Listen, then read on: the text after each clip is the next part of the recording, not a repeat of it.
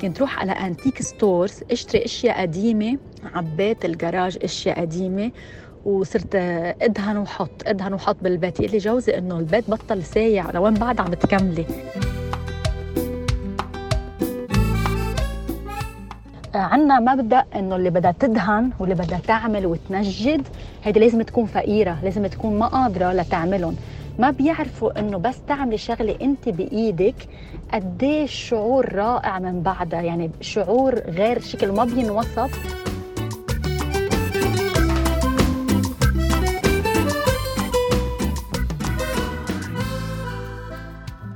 سمعتوا صوت رشا عبد الرضا. رشا صبية لبنانية درست محاسبة بجامعة بيروت العربية.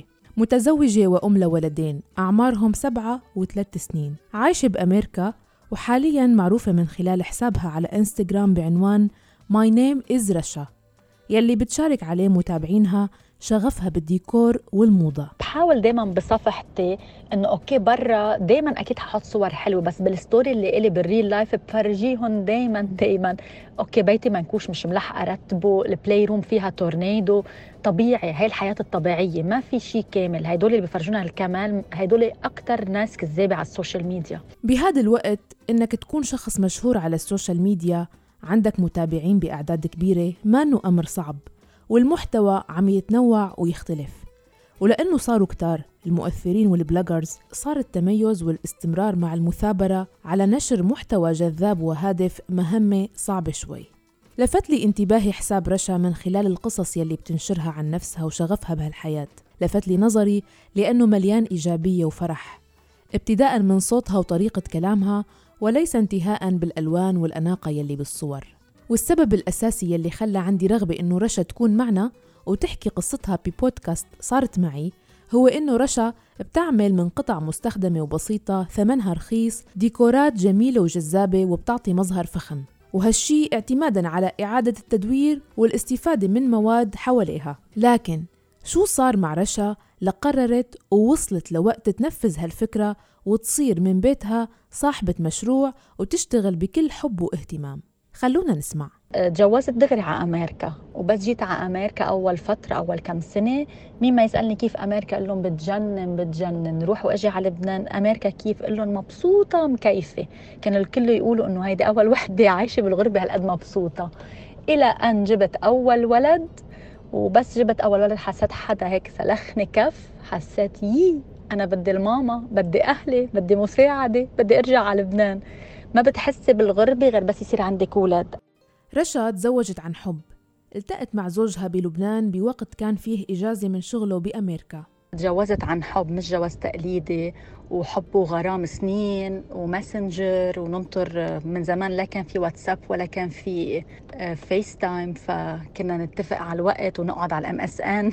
علق ولا ما علق الانترنت منيحة ولا ما منيحة؟ حب وغرام كانت القصة. الجواز كان سهل. شو بيقولوا؟ سألوا عنه. طلع ابن عالم وناس متعلم عايش بأمريكا. فكان قبول من من الأهل. ومشي كل شيء بسلاسة ما صار في شيء لما كنا نحكي مع بعض كنا نجيب سيرة إنه أنا بدي كمل علمي. هو كان أكيد مع إنه مع إنه كمل علمي خاصة إنه هو عامل دكتوراه. فلا إنه مع البنت تتعلم مع البنت تشتغل مع توصل لشهادات عالية. لا كان كثير يشجعني لأنه هو بالأصل بحب العلم. وما ب... ما كنا نختلف على قصة إنه أنا بحب أشتغل أو بحب أتعلم أو بحب اكون مستقلة. آه لأنه جوزي نعرف بعض قبل الجواز يعني مش بعدين خبرته واحد اثنين ثلاثة انصدم فيي.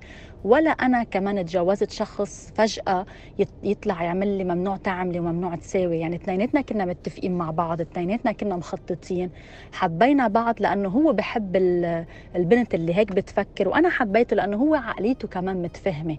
يعني لو كان جوزي من الأشخاص اللي ممنوع ممنوع ممنوع كنت من الأول هربت ما كملت لأنه صراحة ما ما في يتحمل ممنوع والشروط وهيك قصص. رشا من بعد ما تزوجت ما اشتغلت ولا مرة أي نوع عمل بدوام كامل. بس قبل الجواز إيه كثير اشتغلت. يعني بلشت شغل من عمري 21 من لما كنت بالجامعة آه، كانت تاني سنة محاسبة أو ثالث سنة. وكنت روح الصبح على الجامعة وبعد الظهر على دوام الوظيفة. ومن الأشياء اللي كنت دائما أقول إنه أنا مستحيل وقف علمي. هلأ أخذت أنا ال bachelor degree بس كان دائما أقول أنا بدي أكمل ماجستير ودكتوراه. كنت دائما اقولها وأنا إنه حكون من الأشخاص اللي بيشتغلوا وما حضلني بالبيت. صراحة ما بتعرفي شو مسؤولية الجواز غير غير بس تتجوزي. صرت هلأ أعرف أكثر إنه الخبرة أهم من العلم.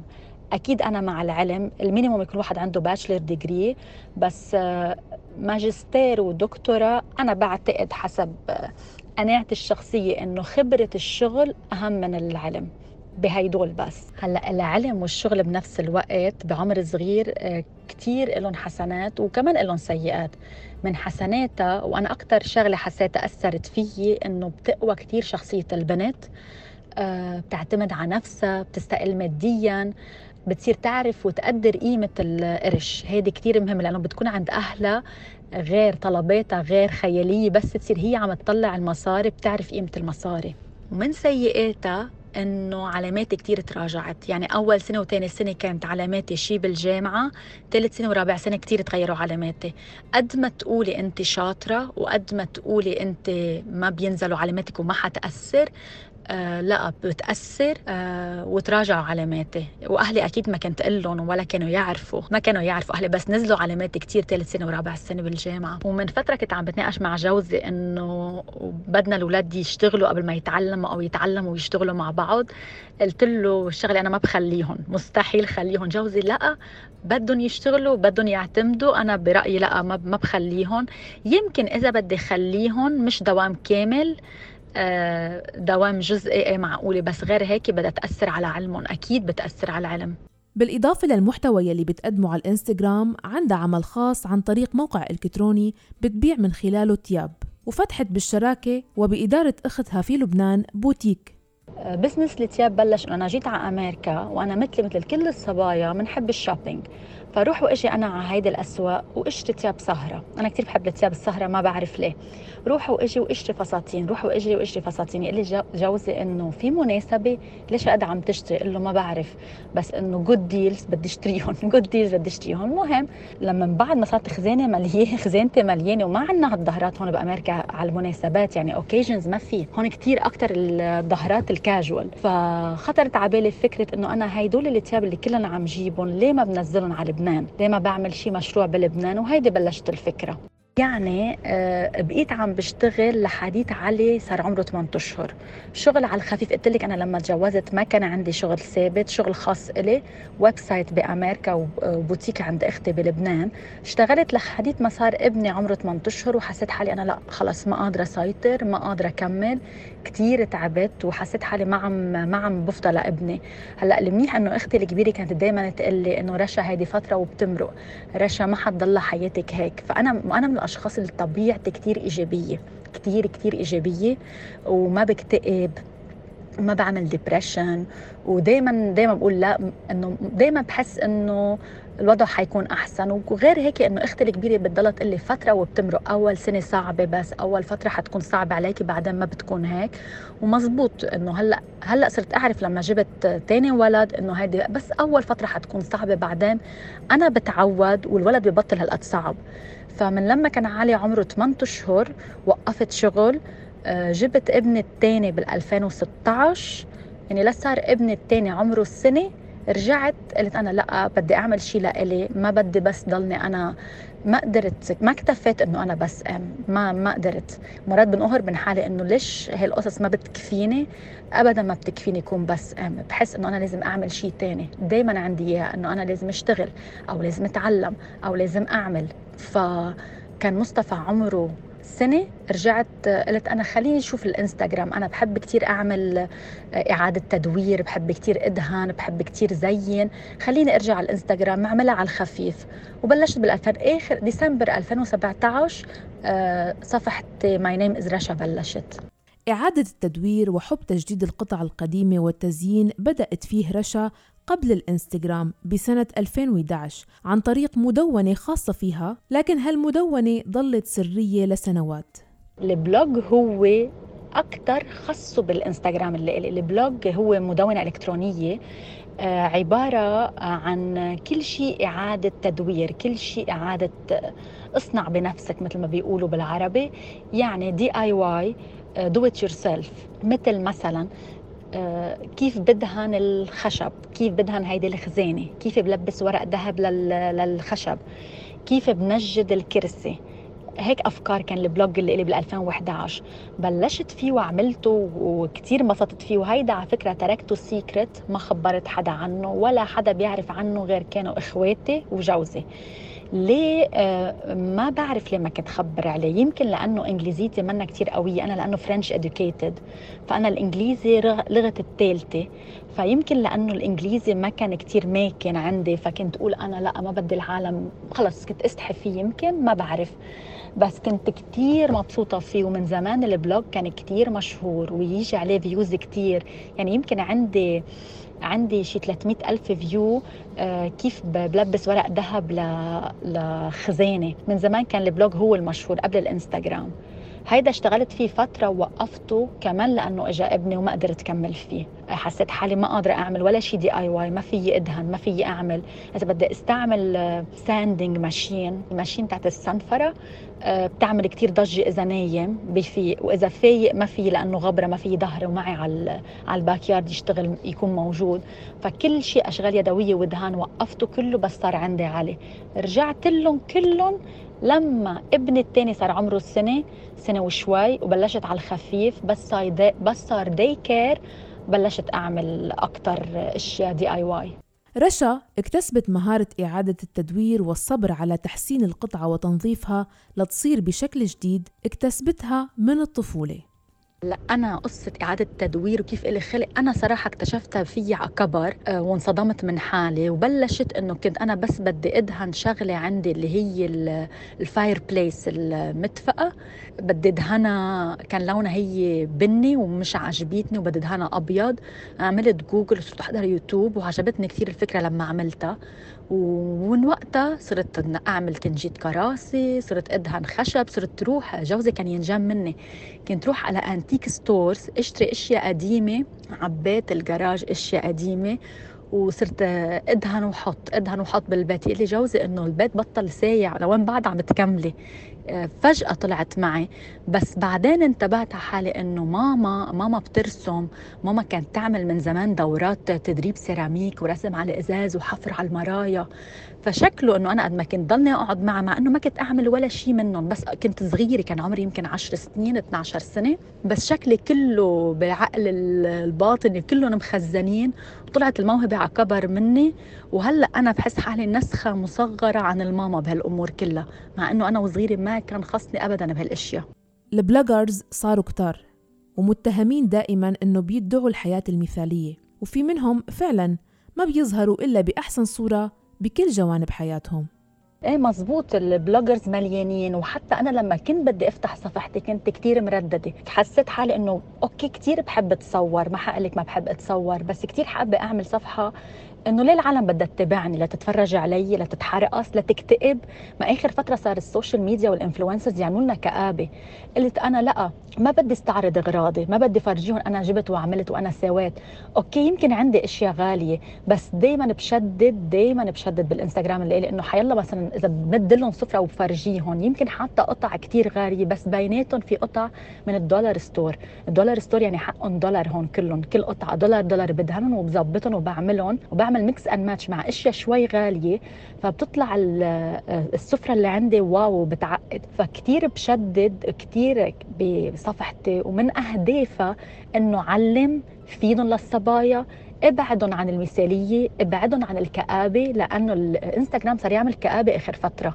بتلاقي البنت اللي perfect حياتها perfect ثيابها perfect بيتها perfect بصير نقارن حالنا نحس إنه نحن عن جد حياتنا كثير بشعة. بحاول دائما بصفحتي إنه okay برا دائما أكيد ححط صور حلوة بس بال story اللي إلي بال real life بفرجيهم دائما دائما okay بيتي منكوش مش ملحقه رتبه ال playroom فيها تورنيدو طبيعي هاي الحياة الطبيعية ما في شيء كامل. هدول اللي بفرجونا الكمال هدول أكثر ناس كذابة على ال social media.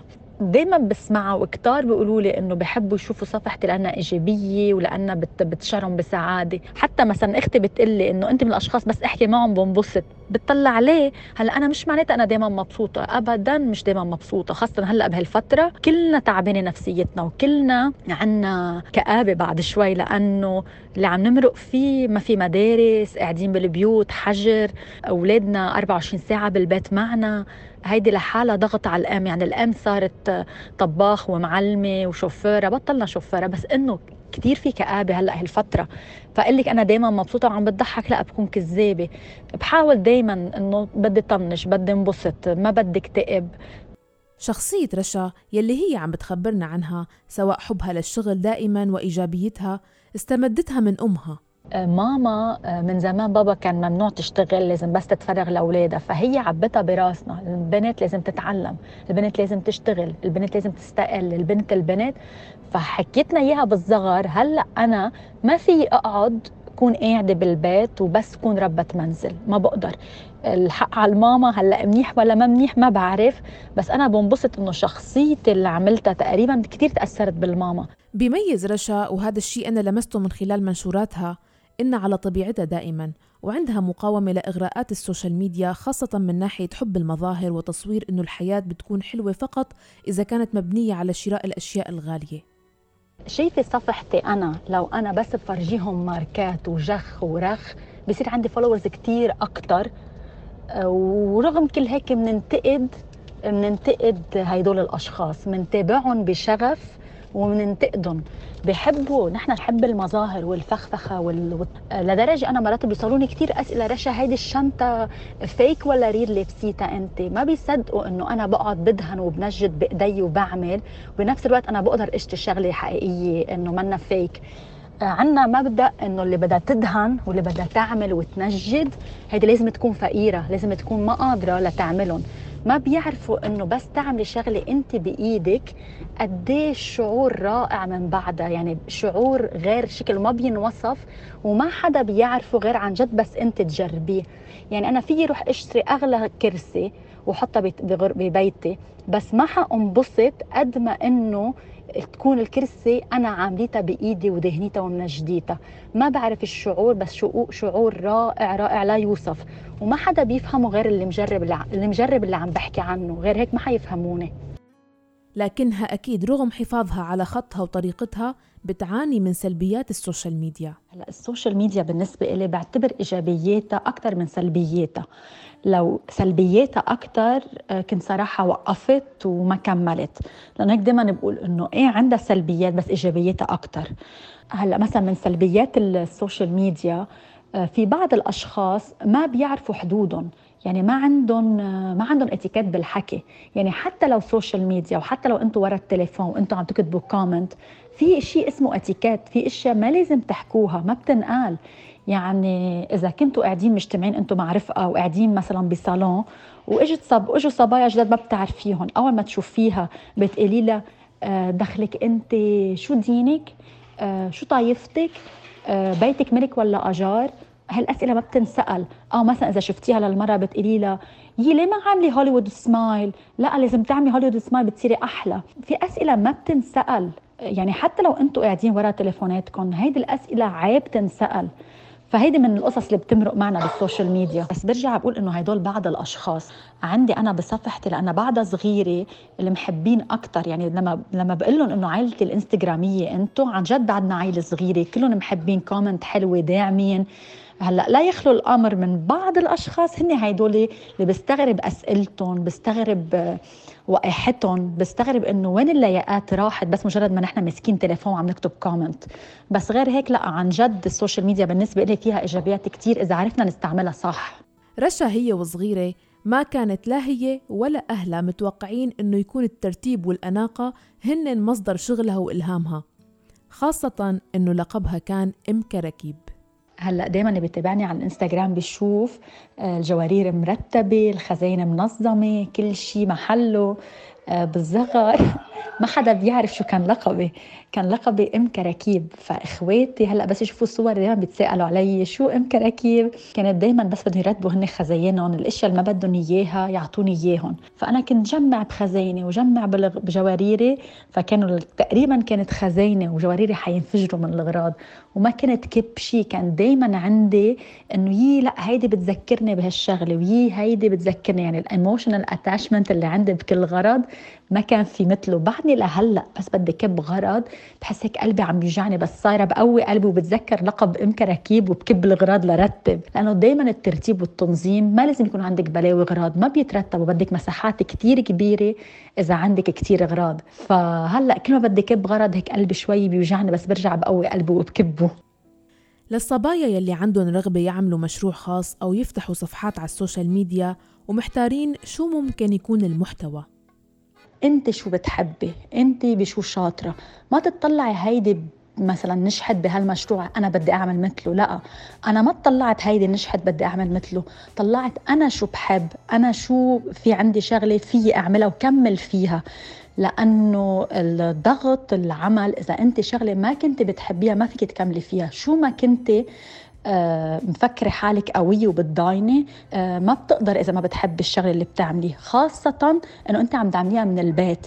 يعني معناتها الوقت اللي أنت فايقة فيه هيدا كله وقت شغل. آه، ما عندك ساعات عمل معينة وبتفلي بس يكون مشروعك أنت ما بيخلص ما في داي أوف فتشي على الشيء اللي أنت بتحبيه وأنت بتبدعي فيه وبلشي من بيتك.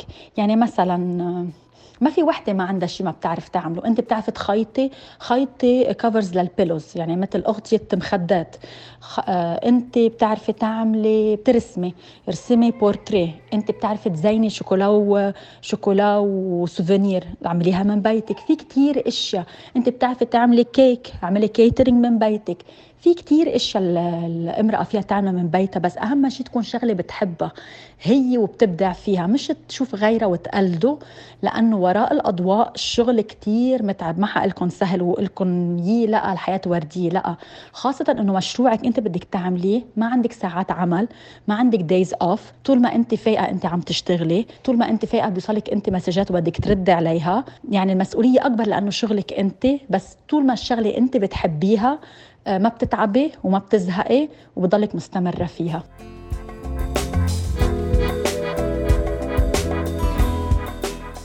انتو كمان شاركوني قصص ومواقف صارت معكم عبر الواتساب 00 971 568 531 592 ولا تترددوا أبدا شو ما كانت طبيعة هالقصص والمواقف.